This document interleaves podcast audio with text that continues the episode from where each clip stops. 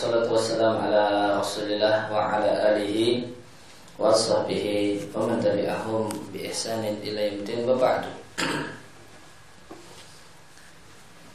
Masih di kaidah yang kedua Dari kitab Qawaid uh, Wal Usul Al-Jami'ah yeah. Wa min haman Ahda Wa minha man ahda hayaan aw khawfan wajaba 'alal mahda ilaihi araddu. Alal muhda ilaihi Al muhda ilaihi araddu. Aw yu'awiduhu anha. Fakasirun min hadhil furu'i aidan dakhilun fi asli tibaril maqasidi wan niyati. Wa dzalika dalilun ala quwwatil far'i alladhi tatanawal tatanawaluhu idata usulin. Wa kama anal hiyal allati yaksidu bihat tawassul Yuqsadu biha. tawasulu illa fi'lil fi'lin muharramin au tarki wajibin haramun. Fal hiyalu lati yutawassulu biha illa istikhrajil huquqi mubahatun bal ma'murun biha wal abdu ma'murun bi istikhraji haqqihi wal haqqul muta'alliqu bihi biturukil wadihati wa turukil khafiyati Qala ta'ala lama zakara tah tahayyula tahayyula Yusufa sallallahu alaihi wasallam la baqa la baqa baqai la baqai Hmm. Li li baqai akhihi. Baqai akhihi indahu. Kadzalika kidna li li Yusufa. Wa misluhu al hiyalul lati tasallama taslamu biha taslamu nufusu. bihan nufusu wal amwalu kama fa'alal khid- khidru bi firqat bi firqat fir- bi firqihi li bi saf- khalqihi bi lisafinati khalqihi li safinati li ta'i- ta'ayyubi li ta'iba li ta'iba fataslama min Ghasbil. malik malikil malikil zalimi fal hilatu tabiatun lil maksudi eh, hasan hus, hus, husnuha Husniha. husniha wa qabihiha wa min furu'iha berarti hasan hasaniha wa hasaniha wa qabihiha. wa min furu'iha anna Allah qala inna Allah ya'murukum an tu'addu an tu'addul amanati ila ahliha. Wal amanatu kullu malin untuk untuk muna untuk mina alaihi al abdu wa wuliya alaihi. Wa min wadi'atin. Min wadi'atin. min wadi'atin. Wa ainin mujaratin Jaratin. wa mur marhumatin wa wilayat wa wilayat wa wilayati mali mali yatimin wa nadharatin Nadharati waqfin. wa wakilin wa wasiyin wa nawiha. Fa kulluha yajibu hifdhuha fi hirzi misliha. Li'annahu min lawazi lamazimil adai. Nah. Peminhat maka di antara kalau uh, musannif rahimallahu taala. Dan contoh kasus yang lain adalah siapa saja memberikan hadiah dan pemberian hadiah tersebut hayaan karena malu, sungkan, pakewo, basa-basi misalnya hadiah tawaran makan, tawaran minum teh, mampir dulu di sini, eh, ayo ikut makan. Padahal itu cuma basa-basi, cuma makan, masuk makan sendirian nggak ngajak-ngajak. Ini hayaan. Oh khaufan ataukah khawatir? Khawatir terjadinya hal-hal yang tidak baik maka wajib atas orang yang diberi hadiah untuk menolak pemberian hadiah. Kalau tidak menolak, yu'awiduhu anha. Besoknya harus ganti semisal apa yang telah diberikan.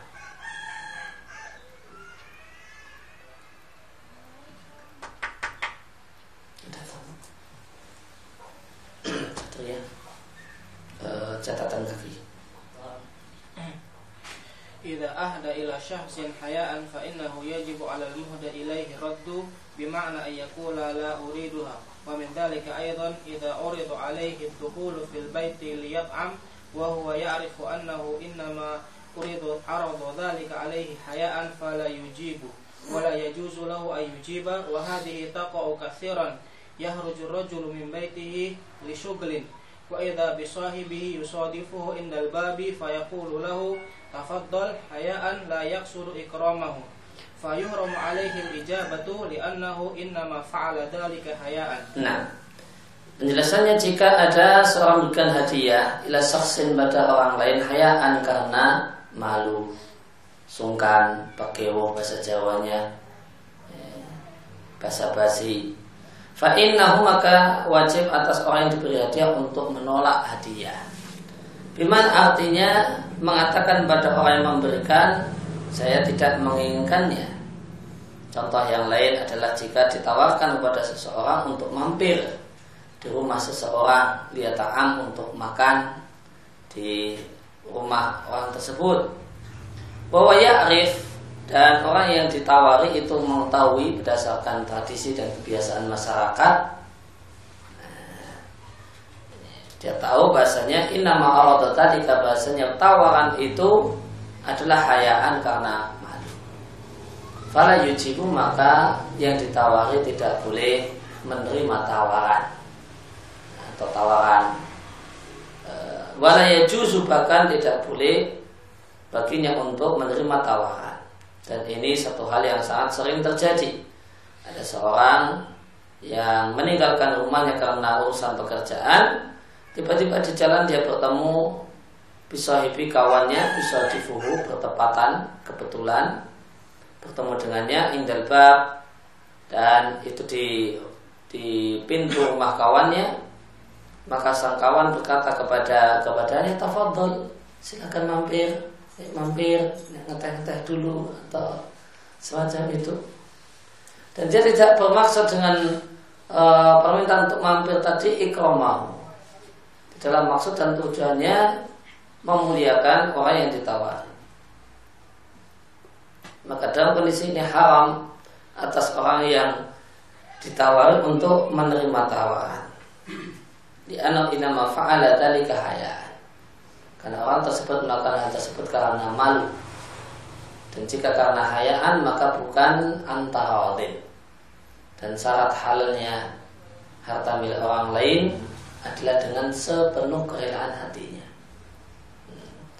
Maka jika karena hayaan maka bukan anti binafsin. Bukan karena sepenuh kerelaan hatinya pada Nabi Wasallam bersabda dalam hadis yang Imam Ahmad hmm, dengan derajat yang hasan la yahilu muslimin illa antibin min nafsihi. Tidaklah halal harta milik orang lain kecuali jika dia berikan eh, anti bin nafsi dengan sepenuh kerelaan hati. Kalau sungkan, ya, ya, malu, tidak enak, kalau tidak nawari, nah, maka ini bukan kerelaan hati. Maka opsi pertama kalau kata sesakdi adalah ditolak opsi yang kedua adalah diganti diterima. Ya. karena boleh jadi kemarin tidak tahu ya, ditawari makan siang wah ya kebetulan saya juga lapar. Nah, padahal tadi orang yang nawari jangan jangan jangan. Ternyata eh, karena belum paham tadi si orang Jawa nah, ya, diterima makan ini kemudian dikasih tahu temannya itu tuh kalau orang Jawa nawar itu cuma untuk ya, pais-paisan bibir katanya. Itu untuk sekedar omongan. Nah, itu cuma sekedar manis di mulut saja gitu. maka nah, maka dia punya kewajiban untuk ganti. Untuk kewajiban ganti. Kemarin ya nasi padang ya bisa dikirimi nasi padang sebagai gantinya Wa kasrun hatil furu' aidan takhilun dan banyak dari contoh kasus ini hukum masail hukum makosid itu ternyata juga sebenarnya termasuk dalam kaidah itibarul makosid meniyat yang merupakan kaidah yang pertama. Menimbang maksud dan niat Wadhalika dalilun ala kuatil farai. Maka jika satu permasalahan itu bisa dipandang dari dua sudut, dari dua kaidah ataukah lebih, maka maka itu menunjukkan ala kuatil farai. Kuatnya hukum tersebut, hukum untuk kasus itu mau dipandang dari sisi ini hukumnya sama dipandang dari situ sisi yang lain hukumnya sama maka hukum eh, hukum tersebut untuk kasus itu itu kualitas kebenarannya sangat tinggi. Kualitas kebenarannya sangat tinggi. Karena dipandang dari sudut mana pun jawabannya ternyata sama. Tanawaluhu di mana satu kasus tadi hukum satu kasus tadi ternyata bisa dibahas oleh iddatu usulin beberapa kaidah.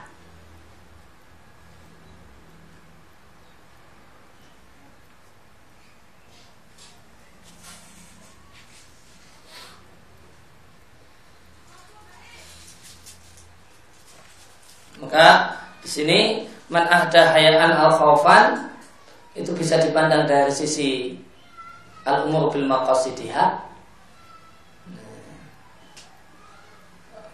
Sesuatu itu tergantung niatnya namun, namun bukan kaidah pertama ya belum dibahas ya. Kaidah yang pertama masalah maslahat.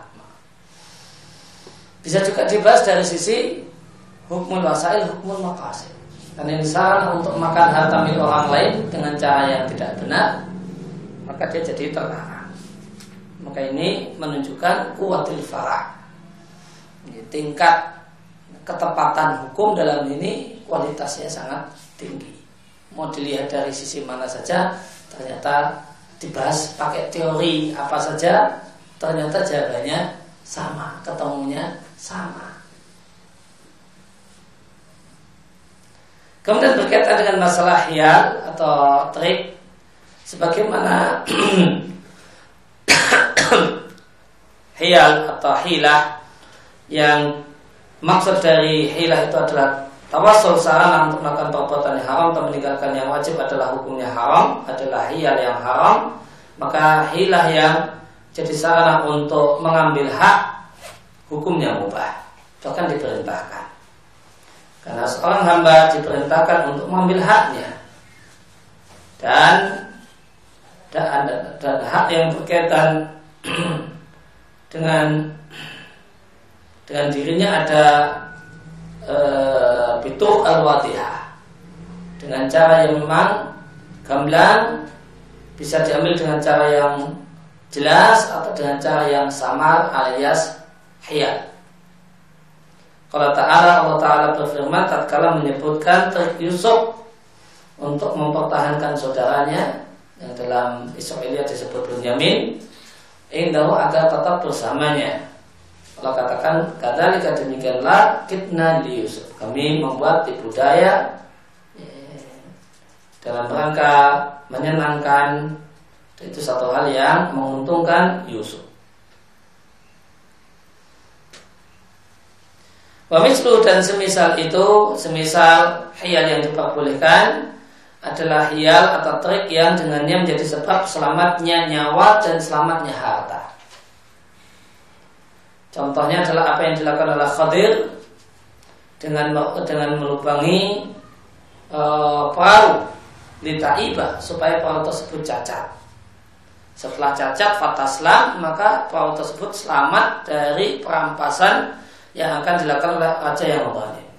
Maka kesimpulannya tentang masalah hukum hilah, hukum hilah itu mengikuti maksud. Jika maksud dan tujuannya adalah baik, maka baik. Jika maksud dan tujuannya jelek, maka jelek. Kemudian di antara contoh yang lain uh, kaidah hukum masalah hukum mafasid firman Allah Taala Allah perintahkan kalian untuk menunaikan amanah. Yang dimaksud dengan amanah dalam ayatnya adalah semua harta yang diamanahkan kepada seseorang wahuli alaihi dan diserahkan pada seseorang tersebut ke pengurusannya. Maka termasuk harta amanah adalah titipan. Kemudian benda yang disewakan. Ketika kita nyewa rumah maka kita mendapatkan amanah berkaitan dengan rumah tersebut. Dan benda yang dijadikan sebagai jaminan demikian juga ketika seorang itu berstatus sebagai wali seorang yatim yang mengurusi harta si yatim. Terus orang itu menjadi nadir wakaf pengurus wakaf. Pengurus wakaf biasanya tempat kita banyak ah, bisa persen bisa yayasan. Ada orang wakaf tanah diserahkan pada satu yayasan ya, tolong ini dimanfaatkan untuk pondok atau untuk yang lain ya, maka yayasan tersebut menjadi nadir wakaf. Atau wakil seorang yang dititip duit jadi wakil untuk uh, untuk beli sesuatu atau wasi. Orang yang diberi wasiat ya, untuk mengurusi sesuatu dan semacam itu. Ya, semuanya wajib dijaga baik-baik dengan cara diletakkan dalam hirzin di tempat penyimpanan misliha yang standar untuk benda tersebut dan yang di uh, maka hirzin itu untuk masing-masing benda itu menyesuaikan eh, itu berbeda-beda. Kalau orang dititipi motor, maka tentu harus dimasukkan ke dalam rumah. Namun kalau orang itu dititipi sandal jepit, ditaruh depan pintu, itu sudah hirzin. Nah, tapi kalau motor malam hari motor titipan malam kemari ditaruh di depan pintu ini ceroboh kalau sandal jepit depan pintu tidak tergolong ceroboh kecuali di daerah yang memang sangat rawan keamanan maka wajib atas orang bukan uh, orang yang memegang barang titipan atau barang amanah untuk menjaganya dengan meletakkannya di hirzi di satu tempat terjaga yang misliha standar untuk benda tersebut. Di anak min lawazimil ada karena ini adalah konsekuensi dari menunaikan amanah. Maka sisi pendalilannya Allah perintahkan untuk menunaikan amanah. Ini maksud. Dan orang tidak bisa menunaikan amanah kecuali menggunakan sarana disimpan di tempat penyimpanan standar untuk benda tersebut. Maka menyimpannya maka ini wasail. Maka e, oleh karena itu menyimpan di tempat yang standar adalah hukumnya wajib karena hukum wasail hukum maqasid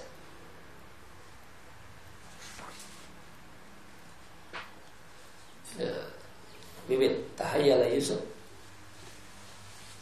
Tahayyulu Yusufa tahayyala Yusuf. Tahayyala Yusufu alaihi salatu wassalamu il sawa'i rahli akhihi wa qala ayyatuhal airu innakum lasariqun thumma bada'a yaftashu yufattishu. yufattishu wa bada'a bi aw'iyatihim qabla wi'a'i akhihi. Di alla yadhunna annahu huwa alladhi wadu'aha fa hadhihi hilatun lakinnaha hilatun mubahatun la ba'sa biha. Nah Yusuf melakukan trik alaihissalatu wassalam untuk supaya mempertahankan uh, saudaranya dengan meletakkan soa ya, dengan meletakkan piala kaca milik Raja Mesir atau gelas kaca fi rahli ahihi di onta di rahal di pelana onta saudaranya. Kemudian Yusuf mengatakan, wahai al-air wahai para rombongan wahai kafilah sungguh kalian adalah orang-orang yang mencuri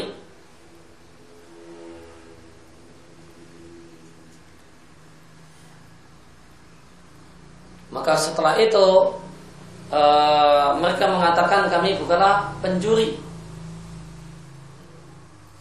dan mereka saudara-saudaranya Yusuf anak-anaknya Yakob mengatakan kalau ada di antara kami yang mencuri, silahkan kamu tangkap dia.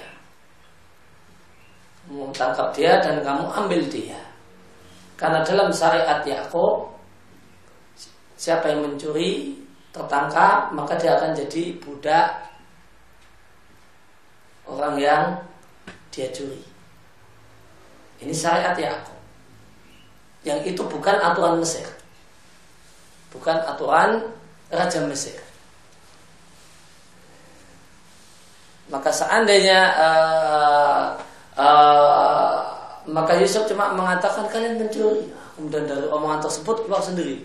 Kalau kami mencuri, berlaku, maka berlaku pada kami hukum ayah kami. Yakub. Siapa yang mencuri bisa kamu ambil, kau jadikan budak. Jika salah satu dari kami, kami mencuri.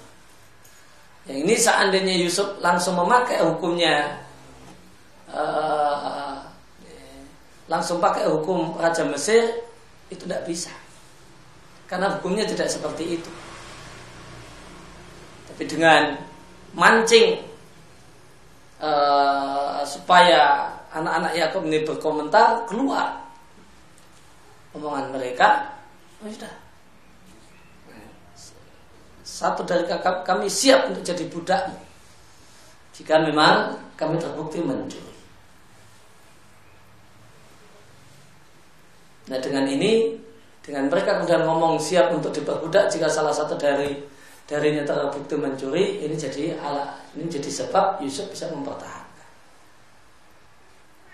Yang lalu kemudian setelah ternyata Bunyamin yang uh, ada di sana barang yang dicari maka sebagian dari mereka minta uh, kami pilih kami salah satu kami yang lain saja sebagai gantinya.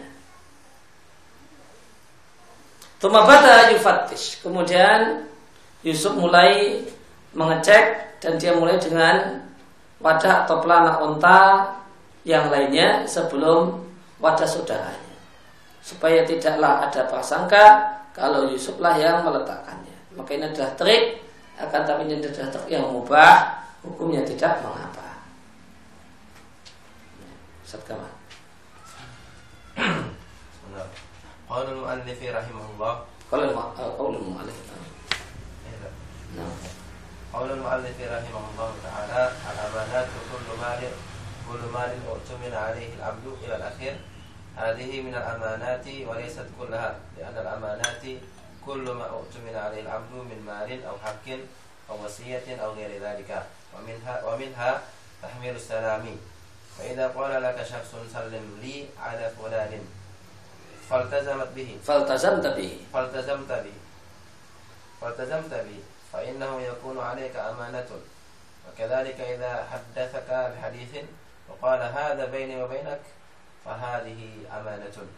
أما المال الذي يعتبر قابضه أمينا فهو كل ما حصل بيد الإنسان بإذن من الشارع أو بإذن من المالك. فالإذن من الشارع كولي اليتيم والإذن من المالك كالوكيل والوصي والناظر. فالوكيل في الحياة والوصي بعد الموت والناظر على الوقف في الحياة أو بعد الموت. فمثلا إذا قلت لفلان خذ هذا بئه فأخذه سمي وكيلا وإذا أوصى شخص شخص بشيء من ماله يصرف في أعمال الخير بعد موته فأخذه الموصى إليه سمي وصيا. وإذا أوقف إنسان شيئا وقال يا فلان أنت النازل عليه سمي ناظرا. نعم. Uh, hadi minal amanat maka definisi amanah yang disampaikan oleh Sa'di adalah definisi sebagian amanah itu amanah harta dan bukan seluruh amanah karena definisi yang lebih lengkap untuk amanah adalah kuluman itu mina alihi al abdu segala sesuatu yang diamanahkan kepada seseorang berupa harta, hak, wasiat atau yang lain. Maka tidak mesti harus harta. Oleh karena itu termasuk amanah adalah tahmilus salam menyampaikan titipan salam. Maka jika ada seorang yang berkata kepada anda, tolong sampaikan saya titip salam untuk fulan, faltazam tapi lalu anda menerimanya. Oh iya. Maka eh, maka titipan salam itu menjadi amanah yang terbebankan pada dirimu. Demikian juga jika dia menyampaikan satu perkataan kemudian dia tutup, namun ini rahasia antara aku dengan dirimu, maka ini adalah amanah. Nah untuk berkaitan dengan masalah amanah berupa harta, maka harta yang tergolong orang yang memegangnya adalah orang yang mendapatkan amanah e, bisa didefinisikan adalah semua harta yang ada di tangan seseorang dikarenakan izin dari syariat ataukah izin dari pemilik. Maka e, boleh jadi izin dari syariat, contohnya waliul yatim, orang yang ngurusi harta anak yatim jadi pengurus harta si yatim. Dan dia pengurus bukan karena diwasiati oleh bapaknya sebelum meninggal, tolong nanti rawat anak saya dan harta harta saya untuk anak saya, bukan karena wasiat. Nah, namun sekedar ya ini meninggal tanpa wasiat, kemudian ada orang yang sukarela dan mengurusinya. Contoh izin dari pemilik semacam wakil dan wasi atau nadir wakaf. Apa beda antara istilah-istilah ini? Wakil itu ketika orang masih hidup. Tolong belikan makan nasi padang ini duitnya. Itu masih hidup. Yang mewakilkan itu. Sedangkan wasi itu baru bekerja, baru berfungsi setelah orang memberikan wasiat meninggal dunia. maka sebelum meninggal maka dia berwasiat begini-begini maka dan itu masa kerjanya baru berlaku setelah orang yang berikan wasiat meninggal. Wa nadir sedangkan nadir wakaf itu fil hayat au ketika hidup dan setelah mati. Ya. E, boleh jadi wakafnya ketika masih hidup, boleh jadi wakaf setelah sebelum meninggal dunia. Maka misalnya kita katakan pada seseorang ambillah barang ini tolong jualkan lalu dia menerimanya dan mengambilnya maka orang yang menjualkan disebut wakil. Jika kita pesan di seseorang, kita wasiatkan seseorang dengan e, sebagian dari hartanya supaya dibelanjakan dalam kegiatan-kegiatan yang baik setelah dia wafat. Sebelum meninggal dunia, eh, saya wasiatkan pada fulan, tolong tidaklah diambil hartaku 50 juta dan tolong diberikan ke sekian ini ini ini ini ini. Fa'aradal musa ilaihi maka kemudian diambil orang oleh orang diberi wasiat maka itu disebut wasiat. Jika seorang itu mewakafkan sesuatu lalu mengatakan bukan engkaulah nadirnya maka dialah nadir Kemudian berkaitan dengan barang titipan wakadalikal infak alaiha. Demikian juga menafkahi barang titipan. Idakan ada data ruhin. Jika barang titipan atau barang amanah tersebut makhluk bernyawa. Dan wamin masa ini ada yang maka di antara untuk bisa menunaikan amanah adalah ada mutafrid wa ta'at Tidak ceroboh dan kelewat batas dalam memegang mentasawufkan barang amanah. Ya, catatan akhirnya, bagus.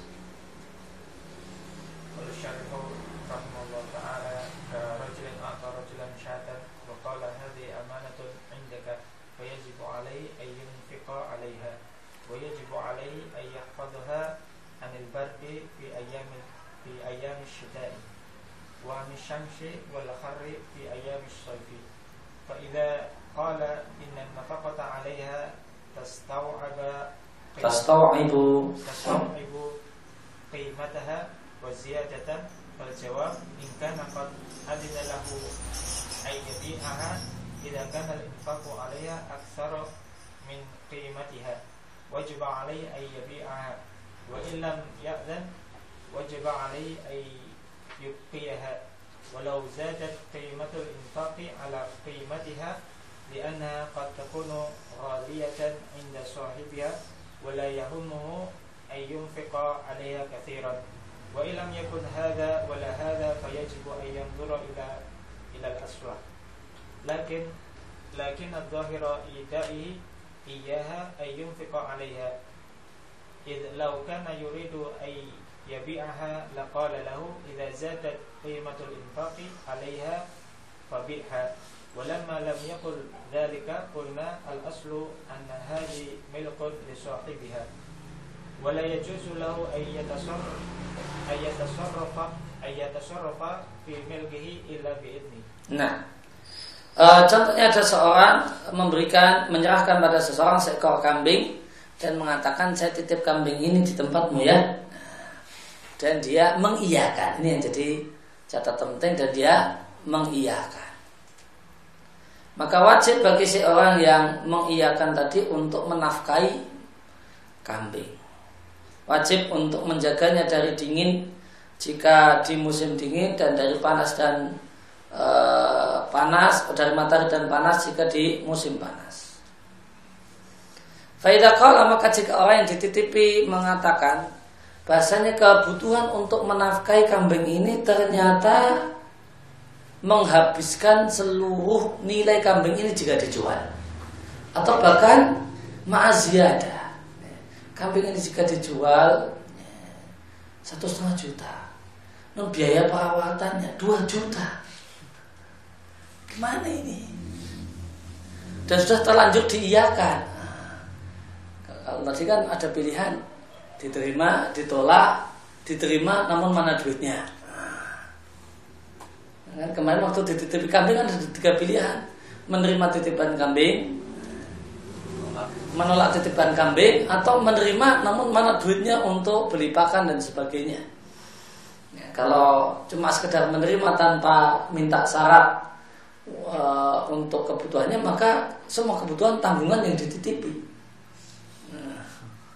Dan dia tidak boleh minta ya, minta ganti. Karena siapa yang berniat untuk berbuat baik kepada seseorang, maka dia tidak boleh minta ganti.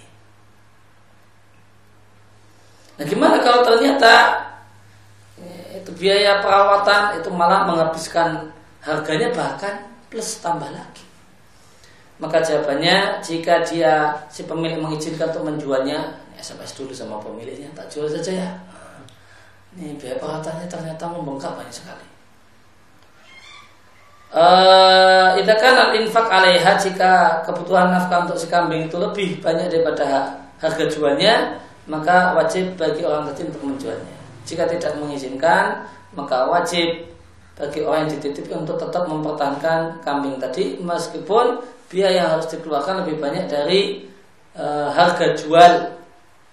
Oleh zatat qimatul infak ala qimatiha. Meskipun e, biaya nafkah itu ternyata lebih banyak daripada qimatiha e, harga jualnya.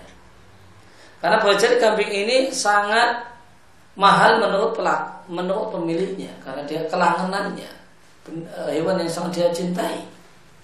Maka dia tidak peduli mau habis berapa untuk perawatan si kambing. Namun jika tidak ada e, jika tidak ada ini izin untuk menjualkan atau wala ada tidak pula. Uh, tidak ada izin enggak? Hmm. maka baik mengizinkan jika jika tidak ada hal ini dua-duanya izin untuk menjual atau tidak ada izin untuk menjual maka wajib bagi orang yang dititipi untuk melihat manakah yang paling maslahat. Akan tapi Zahir kemungkinan yang lebih besar dari sikap pemilik yang menitipkan kepadanya uh, iya hak kambing tadi yang dia inginkan agar agar kambing tersebut dimenafkahi. Karena jika dia ingin ke kambing tersebut dijual, tentu dia berkata pada orang yang dititipi, jika ternyata biaya nafkah untuk kambing ini lebih besar daripada harga jualnya, jual saja. Entah kala pemilik tidak mengatakan demikian maka kita katakan hukum asal kambing ini adalah milik pemiliknya.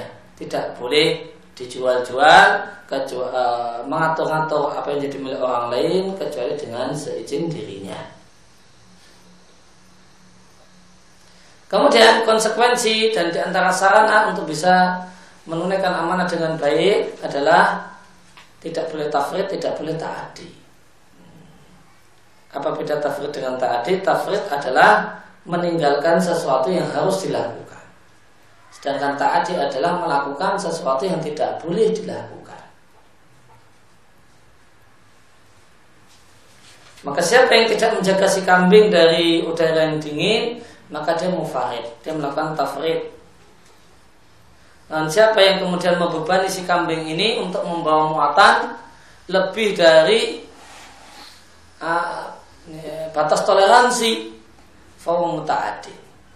Maka dia ini melakukan taati, melakukan sesuatu yang pada sini tidak boleh dilakukan. Dan siapa yang melakukan tafrid atau taati terhadap barang amanah wajib mengganti. Dan namun tidak ada kewajiban mengganti jika barang itu rusak tanpa tafrid, tanpa taati. Sementara itu rusak jika dengan tafrid atau kata adin baik lupa ataupun sengaja maka rusak wajib mengganti.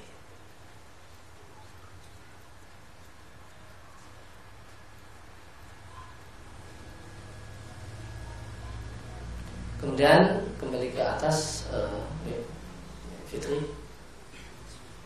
Bismillahirrahmanirrahim. Allah haram al-fawahisha wa haram qurbanaha الفواحش وحرم قربانها لكل وسيلة يخشى منها وقوع المحرم كالخلوة في الأجنبية والنذر المحرم ولهذا قال النبي صلى الله عليه وسلم ومن وقع في الشبهات وقع في الحرام الراعي يرعى حول الحمى يوشك أن يقع فيه ألا وإن لكل ملك حما ألا وإن حمى الله محارمه ومن فروعها النهي عن كل ما يحدثه العداوة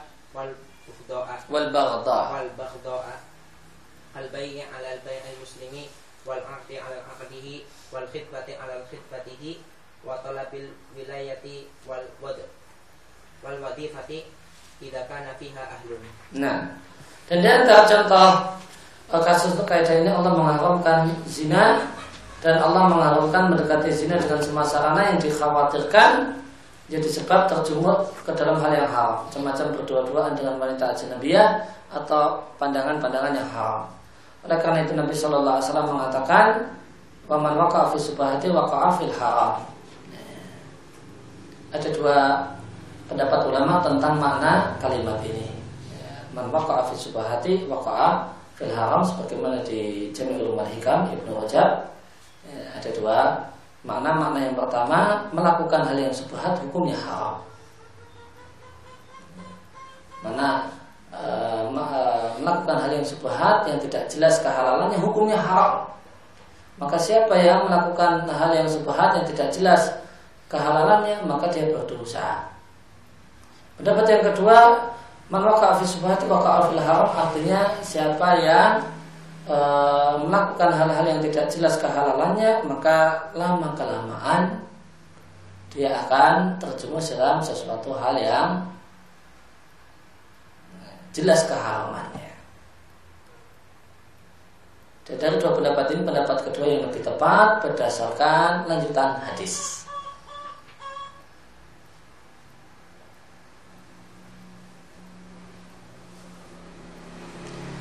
Kara'iyah haulal himan Semacam Ra'i uh, pengembala kambing atau onta yang mengembalakan binatang gembalaannya di dekat hima. Yushiku maka segera saja tak lama lagi ayat afihi dia akan terjal masuk ke dalam hima daerah larangan. Maka berdasarkan lanjutannya hadis, maka yang kuat adalah pendapat yang kedua. Itu siapa yang dekat-dekat dengan hal yang haram maka dia akan terjerumus kepada hal yang haram. Lama kelamaan ujung-ujungnya dia akan terjerumus dalam hal yang haram.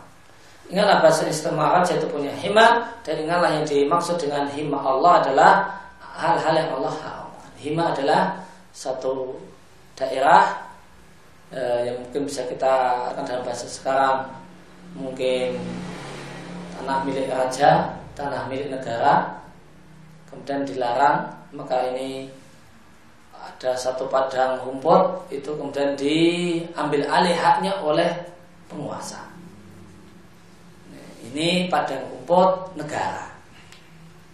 Padang rumput negara. Tidak boleh eh, hewan ternak pribadi merumput di sini. maka itu hima yang biasanya dulu di di masa para ya, ya, para khalifah ini dijadikan sebagai padang gembalaan hewan-hewan zakat. Kalau di masa Nabi hewan zakat ya kambing zakat, unta zakat dan seterusnya ya digembalakan di tempat gembalaan yang umum bercampur dengan eh, hewan-hewan uh, ternak pribadi. Namun belum ada hima di masa Nabi. Ya, yang pertama kali membuat hima adalah Utsman. Maka perlu jadi uh, karena faktor hewan zakat itu semakin banyak. Ini repot untuk ngurusnya kalau uh, campur dengan ternak-ternak pribadi. Maka dibuat padang gembalaan khusus khusus milik negara yaitu padang gembalaan untuk hewan-hewan zakat.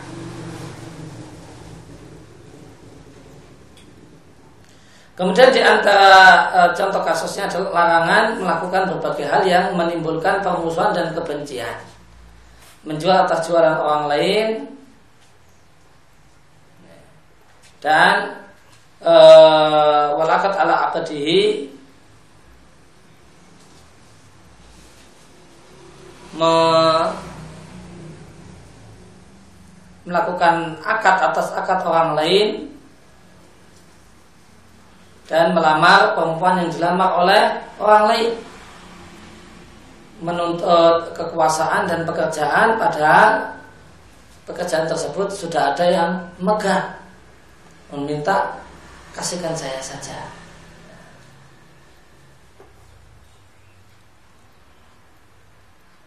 kalau menjual atas jualan orang lain itu kita datang kepada pembeli. Kita datang kepada pembeli kita katakan uh, uh, uh, kamu batalkan saja transaksi jual belimu dengan fulan aku akan jualkan kepadamu barang yang lebih bagus dengan harga yang lebih murah dengan syarat kamu pulangkan, kamu batalkan transaksimu dengan dia. Ini namanya al-bai' ala bai'il muslim. Kalau syirah ala syirah al muslim membeli atas pembelian orang lain itu kita datang kepada penjual. Kita katakan batalkan transaksi jual belimu dengan fulan, aku berani beli barangmu itu dengan harga yang lebih mahal. Dan sesaji mengatakan yang dilarang berkaitan dalam masalah ini bukan hanya menjual jual dan beli. Namun katakan wal abdi ala akadi semua akad. Semua akad. Misalnya akad sewa menyewa, sewa rumah. Maka eh, kita datang kepada penyewa batalkan transaksi sewamu aku akan sewakan rumah yang lebih bagus dengan harga yang sama. Atau kita datang kepada penyewa rumah batalkan transaksi sewamu aku akan bersedia menyewa rumahmu dengan harga sewa yang lebih mahal. Atau e, ijarah dalam artian ijarah orang mempekerjakan Udah kamu keluar saja dari perusahaan itu. Nah, nah, eh, Nanti pindah ke tempat saya Tak gaji lebih eh, Tak gaji lebih mahal. Nah, Sama-sama perusahaan roti nah, Karena berapa gajimu sekian? Oh saya berani sekian. Nah, ini akan juga namanya akan dijawab juga. Ya, karena ijarah itu bisa ijarah barang, bisa ijarah orang. Kalau ijarah orang itu bahasa terjemahnya adalah sewa menyewa. Kalau ijarah orang ya transaksi apa ya, nah, e, ketenaga kerjaan. Nah. Maka kata sesadi ini tidak hanya kalau hadisnya cuma jual sama beli. Menimbang makna sesadi mengatakan itu laku untuk semua akad. Wal khidbatu ala khidbatihi melamar perempuan yang dia lamar dan tadi e, meminta jabatan padahal masih ada pengisinya. Dengan catatan pengisi itu fi uh, idakan afia ahli adalah orang yang layak dengan jabatan tadi. Atau uh, mafhum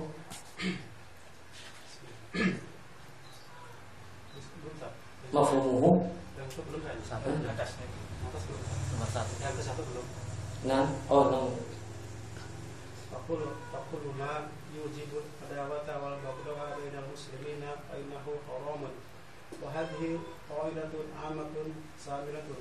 Sawa'un fil baini aw fil nikahi aw fil wilayati aw fi ayyi shay'in akhari ودل ودل ذلك قوله تعالى إنما يريد الشيطان أن يوقع بينكم العداوة والبغضاء الخمر والميسر وقوله في الخمر والميسر هذا على سبيل المثال وإن كان سياق الآية فيها لكنها عامة. فكل ما يوجب العداوة والبغضاء بين المسلمين فإنه من أوامر الشيطان. min awamil syaitani من أوامر الشيطان وهو حرام Nah, e, maka semua hal yang menyebabkan al-adawah menyebabkan terjadinya permusuhan dan kebencian di antara kaum muslimin hukumnya haram dilakukan. Dan ini adalah kaidah yang bersifat umum mencakup banyak hal. Mencakup dalam transaksi jual beli, nikah, ataupun masalah pekerjaan atau hal yang lainnya. Dalilnya adalah firman Allah Ta'ala Setan hanyalah ingin e, Menjumuskan kalian dalam permusuhan dan kebencian Gara-gara khamr dan maisir. E, Fil khamr wal maisir Fa'nya fa' sababiyah. Hada ala sabilin misal. Ini adalah contoh Sekedar contoh. Meskipun rangkaian ayat berkaitan dengannya Akan tapi maknanya umum. Sehingga bisa disimpulkan semua hal yang menyebabkan permusuhan dan kebencian di antara kaum muslimin maka itu adalah termasuk perintah setan bahwa haram dan itu satu hal yang hukumnya haram.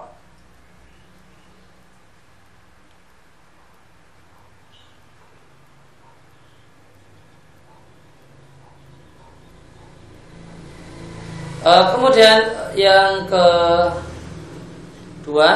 uh, idakan nafi ahlun jika ada pada jabatan tersebut orang yang memang layak maka mafhum mukhalafahnya di dalam yakun ahlan jika dia tidak layak maka tidak mengapa anda meminta jabatan yang telah dipegang oleh orang itu. Maka saat pimpinan atau direktur ala hadal amal untuk satu pekerjaan itu tidaklah punya kapasitas, kapabilitas. Semisal dia itu adalah orang yang khianat khianat dalam pekerjaan layak mobil wajib tidak melaksanakan kewajiban sebagaimana mestinya dia berikan kepada para pekerja. Yang ada di tempatnya apa yang tidak menjadi hak para pekerja. Di antara contoh direktur yang tidak amanah memberikan pada bawahannya sesuatu yang tidak menjadi haknya adalah ima ayat balahum amalan kharijat dawam dia catat untuk si karyawannya ini kalau dia lembur bekerja di luar dawam. Dawam itu kalau dalam bahasa percakapan orang Arab sekarang itu artinya jalan kantor. kalau e, maknanya secara bahasa kan dawam kan terus menerus. Namun dawam dalam bahasa keseharian orang Arab itu disebut itu jam kantor. Jam kantor, jam kerja disebut dawam. Maka dia catat bahwasannya karyawannya ini si A ini ngelembur bekerja di luar jam kantor. Bahum layak maluna padahal tidak ada lemburan dan dia tidak melembur atau semacam itu. Ini berarti direkturnya, pimpinannya khianat terhadap kepala kantornya, khianat terhadap amanah pekerjaan. Fahuna maka dalam kasus semacam ini boleh bagi seorang untuk meminta pekerjaan menggantikan direktur tersebut. Dia lebih telah bihada karena orang ini dengan permintaan ini dia telah berbuat baik kepada negara. demikian juga berbuat baik kepada pekerjaan itu sendiri atau berbuat baik kepada al eh, orang yang telah duluan memegang jabatan tersebut. Adapun dia berbuat baik kepada negara maka jelas. Adapun dia berbuat baik kepada muadzab kepada kepala kantor sebelumnya, maka karena dia mencegah kepala kantor tersebut untuk melakukan kezaliman. Karena kepala kantor ini setiap detik yang dia lewati dia menumpuk dosa. Fa'id tolak bahwa maka jika ada orang yang minta untuk minta agar diberi jabatan tersebut, wa uyina fiha akhirnya dia diangkat, maka dengan itu dia mencegah orang tadi untuk berbuat dosa. Oleh karena itu maka syarat yang disebutkan oleh guru kami yaitu jika orang yang memegang jabatan tersebut sebelumnya adalah orang yang layak adalah kaidun jayyid adalah persyaratan yang bagus.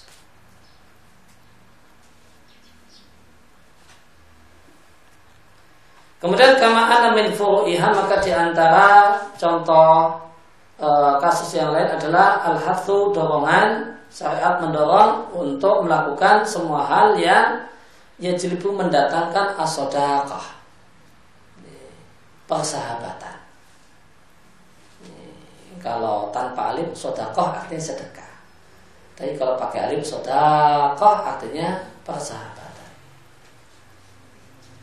Maka segala sesuatu yang e, meningkatkan kualitas persahabatan di antara seseorang, baik berupa ucapan atau perbuatan adalah sesuatu yang didorong e, syariat memotivasi untuk melakukannya.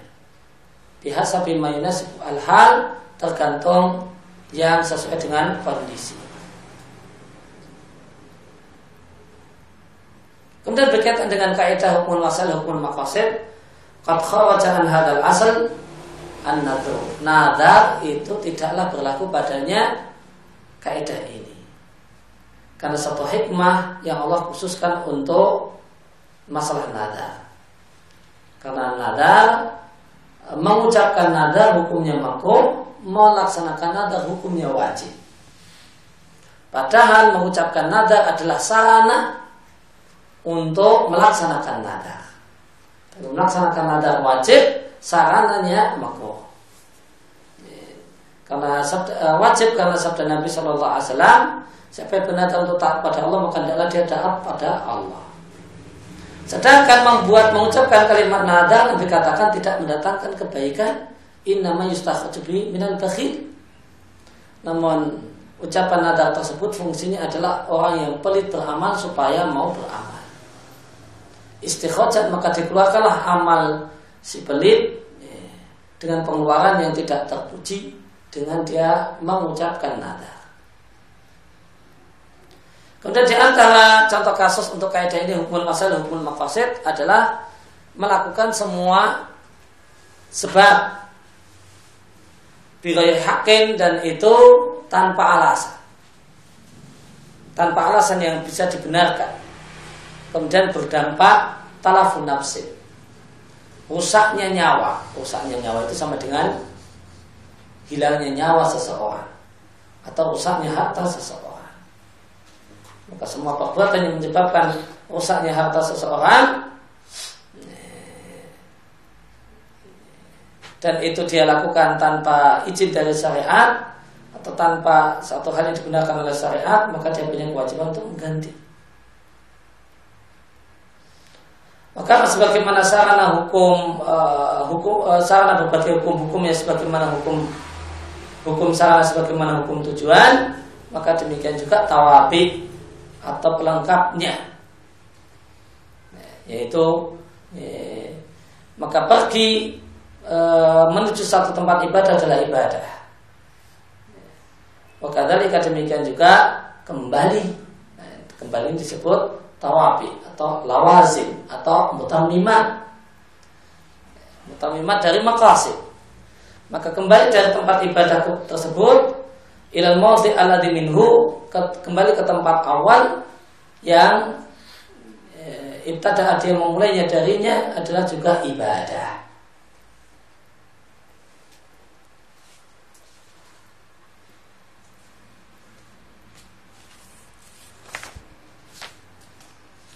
Kita selesaikan saya bacakan.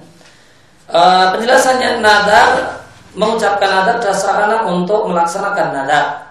Melaksanakan nadar hukumnya wajib jika nadarnya adalah nadar taat. Sedangkan mengucapkan nadarnya meskipun isinya adalah nadar taat hukumnya makruh berdasarkan dari Quran dan Sunnah. Dan Al-Quran adalah firman Allah Ta'ala kita kiaskan dengan sumpah. Wa aksamu pilih jahda aymainihim lain amar tahun layak hujun. Dan mereka orang-orang munafik bersumpah dengan nama Allah dengan sumpah yang sangat-sangat serius Sungguh jika engkau perintahkan mereka untuk berangkat berjihad, maka mereka akan berangkat jihad. Dan sumpah itu semakna dengan nadar. Yakni artinya halafu aimanan mukhalladatan mereka bersumpah dengan sumpah yang sangat dia kuatkan seandainya engkau wahai Muhammad perintahkan mereka untuk berangkat jihad niscaya mereka akan berangkat jihad dan Allah katakan kulla kalau untuk taat gak usah pakai sumpah-sumpah Taatul ma'rufah Ketaatan yang Allah keinginkan adalah ketaatan yang sudah dikenal. Ketaatan yang sudah dikenal itu apa? Melakukan ketaatan tanpa sumpah terlebih dahulu. Maka di antara perbuatan yang terlarang Orang itu bersumpah untuk meninggalkan hal yang yang haram. Demi Allah saya tidak akan minum lagi. Itu tidak boleh. Ya eh, karena ketaatan yang Allah inginkan adalah ketaatan yang biasa. Ya sudah tinggalkan khamar, tinggalkan khamar. Nggak usah pakai sumpah-sumpah dulu. Demi Allah, saya tidak akan minum khamar lagi. Itu tidak perlu. Itu telah. La kesimu. Nggak usah sumpah-sumpah kalau mau taat. Ta'atun ma'rufah.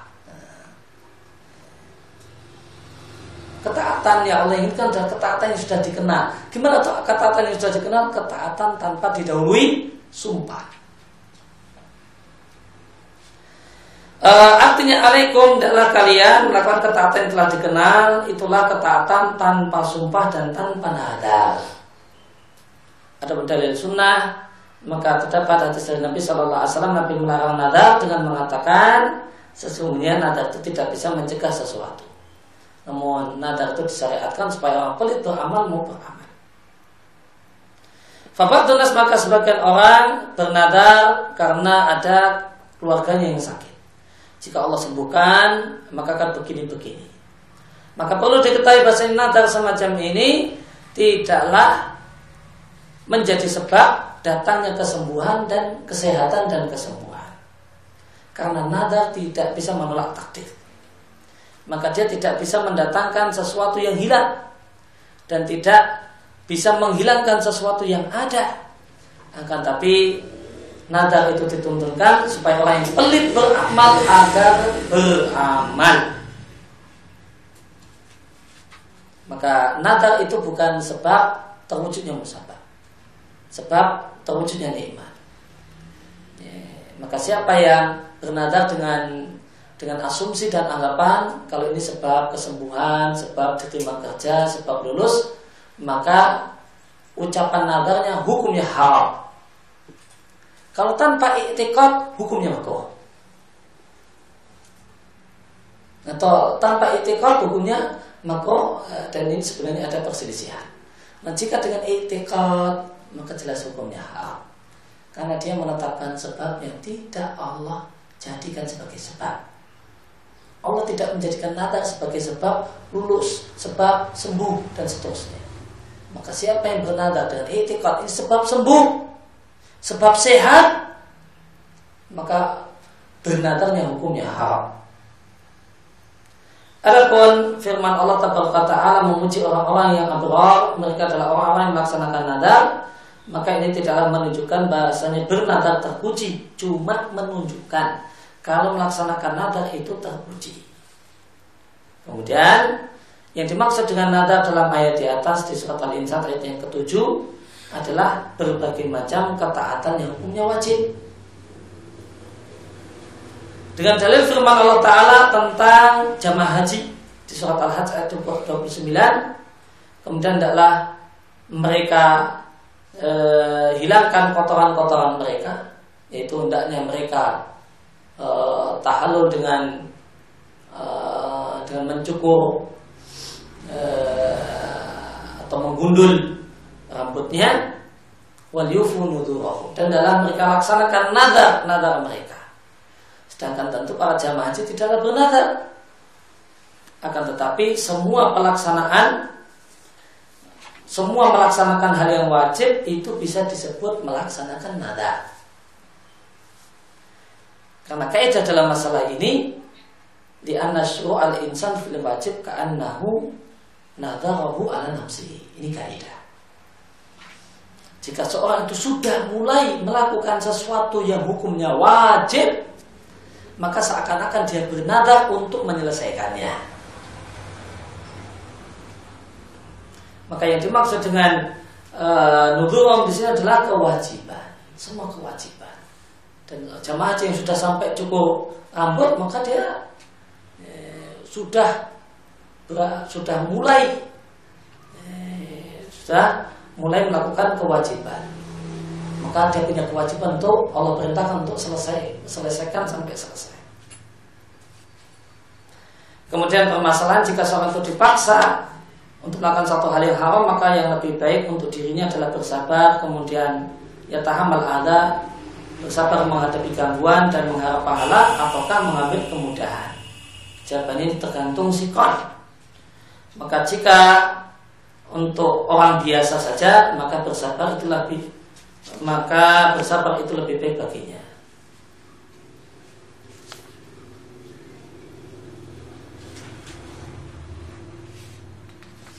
Adapun jika dia adalah orang yang berpandangan bahasanya uh, dia bertahan itulah yang lebih baik untuk Islam dan kaum muslimin fal aula maka yang lebih baik baginya adalah mengambil hal yang haram